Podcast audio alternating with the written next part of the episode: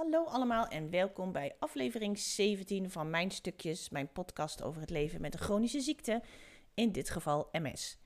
In potentie heeft deze aflevering uh, de mogelijkheid om heel erg bloederig en vies te worden, want ik ga het hebben over mijn bevalling en over darmklachten.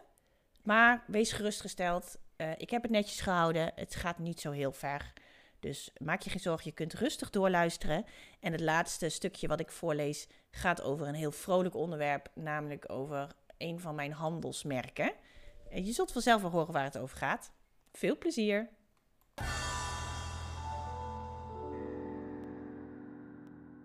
Mes en mijn bevalling, 24 april 2020.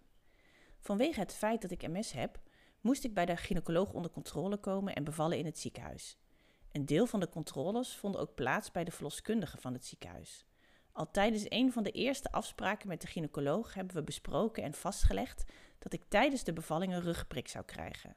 Dit om te voorkomen dat ik van de weeën te uitgeput zou raken om te kunnen persen, gezien mijn toch behoorlijk verminderde uithoudingsvermogen en kracht. Verder zou mijn bevalling volledig gelijk zijn aan die van iedere andere vrouw, hoewel alle bevallingen natuurlijk anders zijn. Ik zou alleen wel binnen 24 uur na de bevalling aan een infuus met gamma-globuline komen te liggen. Hierin zitten de verschillende eiwitten van wel duizend verschillende donoren.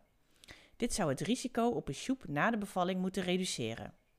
Dit infuus moest de komende maanden vijf keer herhaald worden. De bevalling ging geweldig, vond ik. Ik zal jullie de details besparen, maar de ene dag was ik jarig en was er niks aan de hand tot in de avond. En de volgende ochtend om tien uur waren we papa en mama. Ik was zo trots op mijn lijf, die precies deed wat het moest doen. De MS was ergens ver weg, gelukkig. Dat is ook een tijdje zo gebleven. Ik voelde me echt fantastisch, zo die eerste weken na de bevalling. Ik kan me een wandeling door het bos herinneren met mijn moeder, waarbij we wel 7 kilometer hebben gelopen. Mijn zoontje was toen pas een paar weken oud. Ik begon zelfs te denken dat de MS-vermoeidheid niet bestond, dat ik het me al die tijd had ingebeeld. Tot ik op een dag wakker werd, zo van de een op de andere dag. Zonder ook maar een enkele waarschuwing was de vermoeidheid terug. Dat was echt een forse tegenvaller. Ik moest volledig wennen aan mijn nieuwe energieniveau. Sinds dat moment heb ik me nooit meer zo energiek gevoeld als in die periode na de bevalling. Als het om zwangerschap en bevallen gaat, zou ik zo nog tien kinderen willen krijgen. Echter, je moet ook voor die kinderen zorgen en ze worden groter. En dat is iets wat ik fysiek echt niet meer aan kan. We zijn dus heel erg gelukkig en gezekend met onze ene mooie zoon. We tellen onze zegeningen. En hij is vorige week negen geworden en ik ben nog altijd ongelooflijk dankbaar dat ik het moederschap mag meemaken en dat ik een bevalling heb meegemaakt en een zwangerschap. En ik ben ook heel blij dat het er bij één is gebleven, omdat ik dat nu kan handelen. En ik ben bang dat als het er meer waren geweest, dat het echt veel moeilijker zou zijn. Dus ja, het is helemaal prima zo.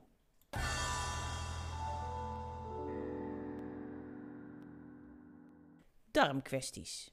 21 april 2020. Let op, dit stukje valt in dezelfde categorie als de poepvraag. Zoals ik deze beschreven heb in mijn stukje De Vraag der Vragen. Dat is echt een paar afleveringen geleden. Mocht je nu dus met een smakelijk bord eten of de restanten van de paaseitjes voor je neus zitten, dan zou ik deze even overslaan.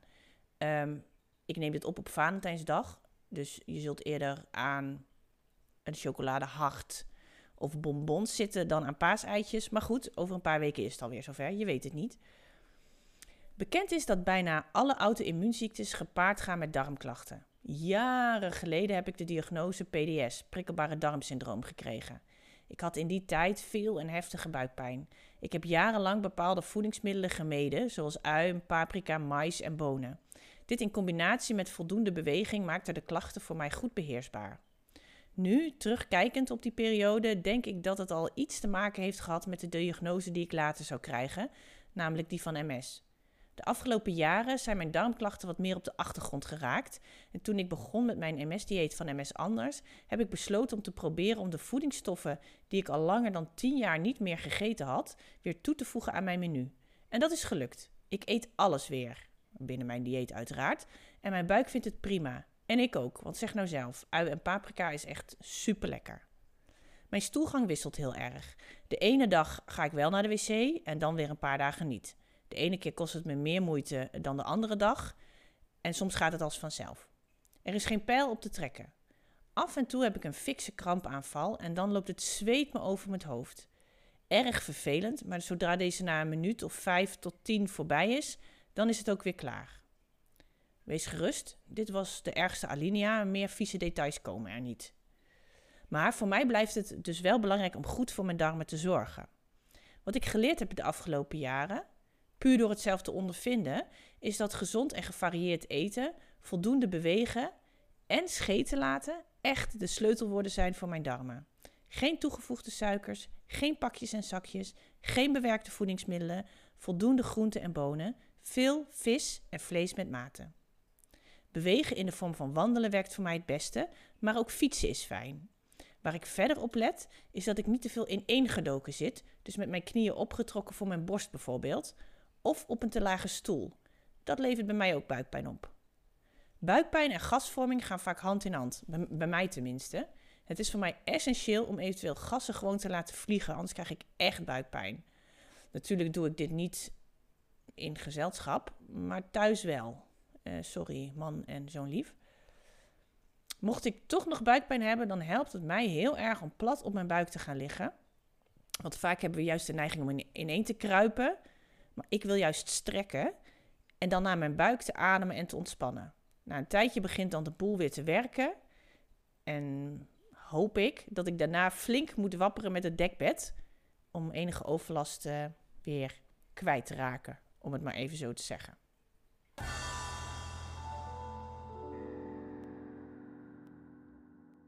Waarom ik jurkjes ben gaan dragen. 27 april 2020. Degenen die mij persoonlijk kennen weten het wel. Ik hou van kleur en van jurkjes en dan met name van kleurrijke jurkjes. Mijn liefde voor jurkjes is ontstaan tijdens de periode dat ik mezelf injecties moest toedienen als medicatie. Dit moest drie keer per week. Voor de kenner, het gaat hier om Copaxone. De bijwerkingen waren vooral heel erg lokaal, rond de plek waar de injectie gezet moest worden. Daar werd het dik, het brandde en er kwam een uitslag die jeukte. Ik had zes mogelijke prikplekken: buik, bovenbeen en flank. En dat dan links en rechts. Al snel merkte ik dat mijn broeken niet comfortabel meer zaten. Dat irriteerde de spuitplekken. Ik kreeg er extra jeuk en irritatie van. In diezelfde periode introduceerde een vriendin mij bij een Facebookgroep voor meiden die allemaal houden van kleurrijke jurkjes. En ja, toen was ik verkocht. Ik ben jurkjes gaan verzamelen. Zowel via internet als in mijn lievelingswinkel ging ik op zoek naar jurkjes waar ik blij van werd en die lekker zaten. Tijdens een ziekenhuisopname drie jaar geleden was ik tien dagen opgenomen. Als je dit hoort, is het inmiddels zes jaar geleden. Ik maakte er een sport van om iedere dag een ander jurkje te dragen. Dan voelde ik me iets min, meer mens dan in mijn pyjama. Al snel stond ik bekend als de jonge vrouw met de jurkjes. Nou, ik vond het niet een hele slechte manier om bekend te staan. Inmiddels is het dragen van de jurkjes al lang geen noodzaak meer. De betreffende medicatie is al een tijd geleden gestopt, maar toch zijn die jurkjes bij me gaan horen. Ik draag ze nog altijd, al draag ik ook met liefde af en toe een broek. Maar zeker met mooi weer komen ze altijd weer uit de kast. De laatste maanden is door alle prednison en eetbuien mijn figuur veranderd. Er zit wat meer vulling rond mijn buik, zullen we maar zeggen. Veel mensen zullen het wellicht niet met me eens zijn, maar ik zie het en ik voel het. Hierdoor zitten sommige modelletjes niet meer zo leuk. Ik voel me er gewoon niet goed in. Maar geen nood, genoeg andere liefhebbers. De merken die ik graag draag blijven mooi en kan ik goed online verkopen. Voor de opbrengst, of van de opbrengst, koop ik weer nieuwe, waar ik me wel fijn in voel. En zo blijft mijn garderobe zich vernieuwen met een gesloten beurs.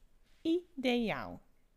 Nou ja, en eigenlijk is het uh, drie jaar nadat ik dit geschreven heb nog steeds zo. Ik draag misschien wel iets meer broeken, maar mijn kast hangt nog steeds vol met jurkjes. Inmiddels ook wat langere lengtes. Je moet toch een beetje op de leeftijd letten. En ook in deze periode zijn er wat langere jurken en rokken ook uh, wat populairder.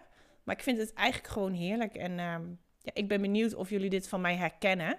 Puur op basis bijvoorbeeld van mij volgen op Facebook of Instagram. Maar ik denk dat iedereen die mij uh, in real life kent, ehm, dit wel zal uh, beamen. En ik ben ook gezegend met een echtgenoot en een zoon die dit gelukkig ook heel leuk vinden. En met heel veel vriendinnen die ook uh, van dit soort jurkjes houden. En daar bof ik maar mee, want uh, we ruilen nog wel eens wat en ik krijg nog wel eens wat. Hartstikke leuk.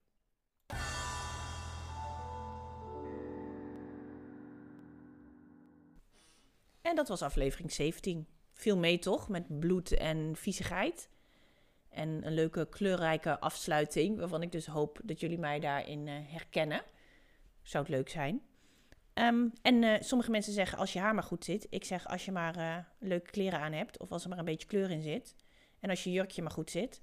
Nou goed, je kunt het uh, op alle manieren invullen zoals je wil. Ik hoop dat jullie het leuk vonden. Vond je het leuk? Wil je me dan alsjeblieft een 5 sterren beoordeling geven op Spotify? Of waar je dit ook maar luistert. Dat vind ik hartstikke leuk. Weten andere mensen mij weer eerder te vinden. Ik um, zie je. Ja, dat klopt eigenlijk niet als ik dat zeg. Als ik, ik zie je in de volgende aflevering. Goed, jij hoort mij weer bij de volgende aflevering. Tot dan!